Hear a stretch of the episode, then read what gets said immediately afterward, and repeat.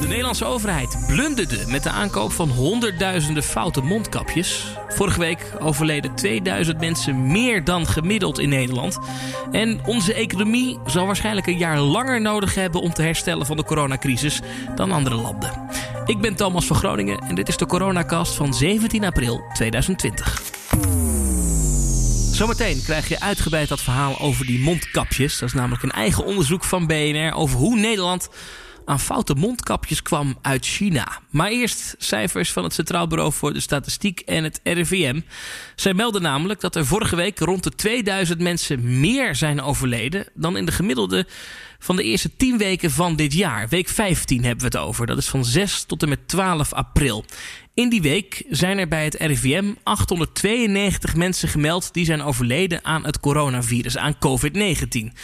Maar onderzoekers die vermoeden dat het werkelijke aantal doden van corona veel hoger ligt. Deze mensen zijn waarschijnlijk overleden aan het virus, maar waren hier niet op getest. En zij tellen dus niet mee in die RIVM-statistieken. Tja, 892 versus 2000, dat is nogal een verschil. Het is wel een schatting, moet erbij gezegd worden. En het gaat natuurlijk om gemiddelde, maar het geeft een aardig beeld dat het aantal doden door corona in Nederland veel hoger ligt dan gedacht. Ook vorige week meldde het CBS al dat in de week daarvoor er meer dan 2000 mensen meer zijn overleden dan gemiddeld. En dan slecht nieuws voor de Nederlandse economie komt van hoogleraar Steven Brakman. Hij is hoogleraar internationale economie aan de Rijksuniversiteit Groningen. Hij zegt: De ervaring leert dat het even duurt voordat de economie in Nederland weer kan herstellen. Nederland is erg afhankelijk van toeleveranciers en voor een derde afhankelijk van de export. Een open economie als de onze herstelt trager dan gesloten economieën. Dat scheelt gemiddeld een jaar, zegt Brakman. En dus moeten we geduld hebben voordat Nederland weer terug kan keren naar het economische niveau van voor corona. En dan is er ook nog ander economisch nieuws. Van alle ondernemers in het MKB worden ZZP'ers het hardst geraakt door de coronacrisis. Blijkt uit een enquête van onderzoeksbureau Pantheia. ZZP'ers die verwachten het grootste omzetverlies over de maanden maart en april. En kunnen volgens het onderzoek het minst gebruik maken van overheidssteun als het vergelijkt met andere bedrijven. Voor het onderzoek werden zo'n 7000 ondernemers ondervraagd. 66% daarvan meldt een lagere omzet te verwachten over de maanden maart en april in vergelijking met een jaar geleden. En die ZZP'ers vangen dus de hardste klappen. Zij verwachten een omzetdaling van gemiddeld 67% over maart en 71% over april. Nou, vergelijken we dat even met de kleine MKB'ers. Die melden 53 en 60 procent. Dat is dus iets minder. En de grote MKB'ers die verwachten tussen aanhalingstekens slechts een respectievelijke daling van 44 en 50 procent. Daar zitten nogal wat verschillen in. En ZZP'ers kunnen nauwelijks kosten besparen. En ik zei het al, ze komen nauwelijks in aanmerking voor overheidssteun. En dan krijgt u van mij nog even de cijfers van het RIVM. Ja, het zijn altijd een beetje dagkoersen, maar we moeten ze toch even doornemen. 144 mensen zijn er in de afgelopen 24 uur overleden aan de gevolgen van het coronavirus. In totaal zijn dat er sinds het begin van de uitbraak 3459. Maar het werkelijke aantal ligt, en ik zei het net al, waarschijnlijk veel hoger omdat niet iedereen getest wordt. Dan zijn er in de afgelopen 24 uur 156 mensen opgenomen in het ziekenhuis. In totaal zijn dat er 9456 sinds het begin van de uitbraak. Het aantal bevestigde besmettingen steeg met 1235 naar boven de 30.000. In totaal 30.449 mensen die positief zijn getest op het COVID-19-virus. En dan gaan we naar mondkapjes. Want uit onderzoek van BNR blijkt dat Nederland zelf steken heeft laten vallen bij de aankoop van 600.000 foute mondkapjes uit China. Het bedrijf in China, waar een deel van die mondkapjes door de Nederlandse overheid zijn gekocht, blijkt helemaal niet gecertificeerd om dat soort mondkapjes voor medisch gebruik te maken. Maar Nederland kocht ze wel. In totaal kocht Nederland 1,3 miljoen van die FFP2-maskers. Dat is de normering. Nou, 600.000 daarvan bleken niet geschikt voor gebruik bij behandeling van ernstig zieke patiënten met bijvoorbeeld corona. Die maskers moeten er namelijk voor zorgen dat een arts of een verpleegkundige die aan het bed van zo'n patiënt komt, niet zelf besmet raakt met het virus. En die maskers werden al gebruikt in Nederland. Sterker nog, ze waren in Nederland gezonden en al verspreid onder een aantal ziekenhuizen. Nou, toen bleek dat ze niet deugden, is de hele partij teruggeroepen. En toen ontstond er, eind maart was dat, een klein diplomatiek relletje. Want Nederland wees met de beschuldigende vinger naar China. Daar zijn we opgelicht. Maar nu blijkt dus uit onderzoek van BNR dat Nederland had kunnen weten dat we beter niet in zee konden gaan met het Chinese bedrijf waar die mondkapjes vandaan komen. De Putian Jinli Lycee Clothing Weaving Company. Daar bestelde Nederland 600.000 van die mondkapjes. En dat is een bedrijf dat eerst vooral kleding en stoffen maakte. Maar ja, toen de vraag naar mondkapjes wereldwijd explodeerde vanwege corona, gingen zij ook ineens in de mondkapjes. En Nederland is toen met dit bedrijf in zee gegaan.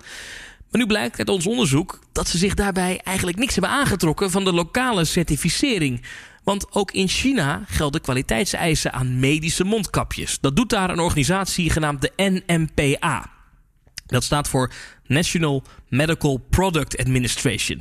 Beetje vergelijkbaar met een uh, Nederlandse voedsel- en warenautoriteit, alleen dan in China. En die organisatie houdt bij in verschillende categorieën of een bedrijf gecertificeerd is om bepaalde medische producten te maken. Bijvoorbeeld mondkapjes. Nou, in China betekent het niet dat als je geen certificaat hebt, dat je dan geen mondkapjes mag maken. Dat is daar gewoon vrij. Maar Chinese ziekenhuizen bijvoorbeeld, die kijken hier wel naar. Die nemen alleen mondkapjes af van bedrijven die op die lijst staan. Nou, BNR heeft die lijst ingezien van de NMPA. Er staan in totaal 153 bedrijven op.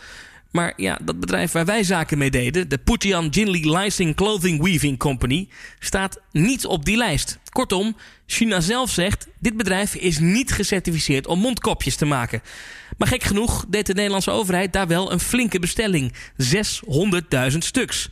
Hoe kan dat toch? Nou, we hebben daarover gesproken vanmorgen in de uitzending bijvoorbeeld met Boudewijn Poldermans. Hij is bestuurslid bij de China Business Council en hij verbaast zich enorm over hoe de Nederlandse overheid zo de mist in kon gaan. Ik vind het op zijn zachtst gezegd onbegrijpelijk dat je dus uh, mondkapjes uh, bestelt die afkomstig zijn van een fabriek die, uh, zoals gezegd, niet gecertificeerd is. En ook zonder dat die mondkapjes in China getest zijn voor vertrek naar Nederland. -hmm. En pas na aankomst in Nederland kennelijk door een aantal ziekenhuizen, dus ook niet uh, van de kant van de overheid uh, zijn getest bij, uh, bij TNO.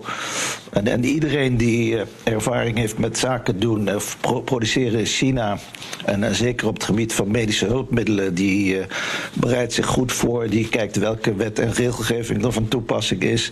En ook zelfs of het bedrijf waar je zaken mee doet, of dat ook wel echt bestaat en ingeschreven is en nogmaals gecertificeerd is.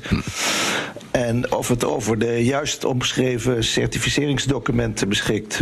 En, en uh, ja, ook zelfs moet je nagaan of uh, de certificaten die afgegeven zijn, of die ook wel echt authentiek zijn. Dus je moet ook nog bij de afgegeven instantie nagaan uh, of dat document echt uh, van hun afkomstig is, of het niet uh, van, hoe heet het, nagemaakt, nagemaakt is. is precies. Mm -hmm.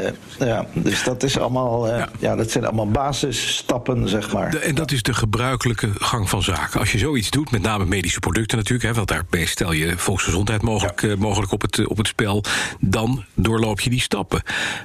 is, het, is het praktijk inderdaad dat de Nederlandse overheid kijkt naar die standaarden van de Chinese overheid? Want dit is een bestelling die komt uit de ambassade in Beijing. Dus daar zouden ze dicht op het vuur moeten zitten, zou je zeggen. Ja, dat, uh, dat zou ik ook denken. Inderdaad, uh, zeker ook als je realiseert dat dus de Chinese ambassadeur in Nederland, uh, Xu Gong, die heeft ook in februari aan de Nederlandse overheid gevraagd om te helpen en om medische hulp leveren, te, te, leveren aan China. Mm -hmm.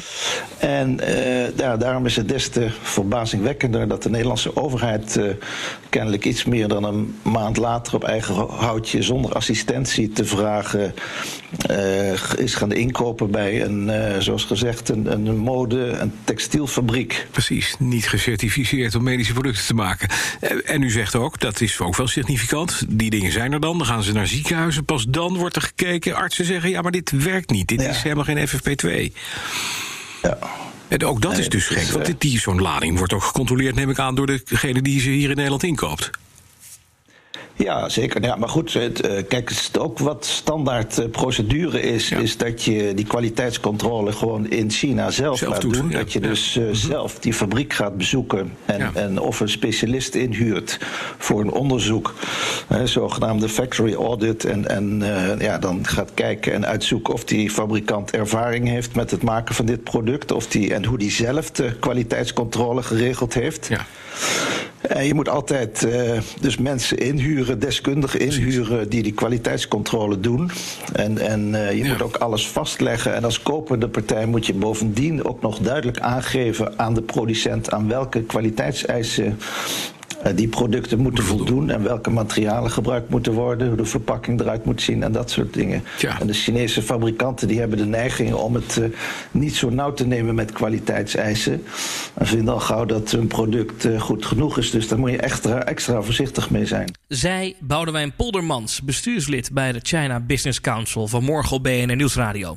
Ook in de Tweede Kamer wordt verbolgen gereageerd. De Partij van de Arbeid gaat Kamervragen stellen. Hoe het toch kan dat Nederland in China certificering heeft genegeerd. Ja, er was misschien paniek, zegt de partij. En ja, er was haast, want hè, er was een flink tekort in Nederland... dus er moesten snel mondkapjes komen. Maar dat ze zo'n lijst hebben genegeerd, kan niet, zegt de Partij voor de Arbeid. En ze gaan daarom Kamervragen stellen. Tot zover de coronacast van vandaag, van vrijdag 17 april 2020. Ook dit weekend wordt het weer mooi weer. Het advies blijft, blijf binnen, was je handen en nies in je elleboog. Maandag dan zijn we er weer. Ik wens u een heel prettig weekend.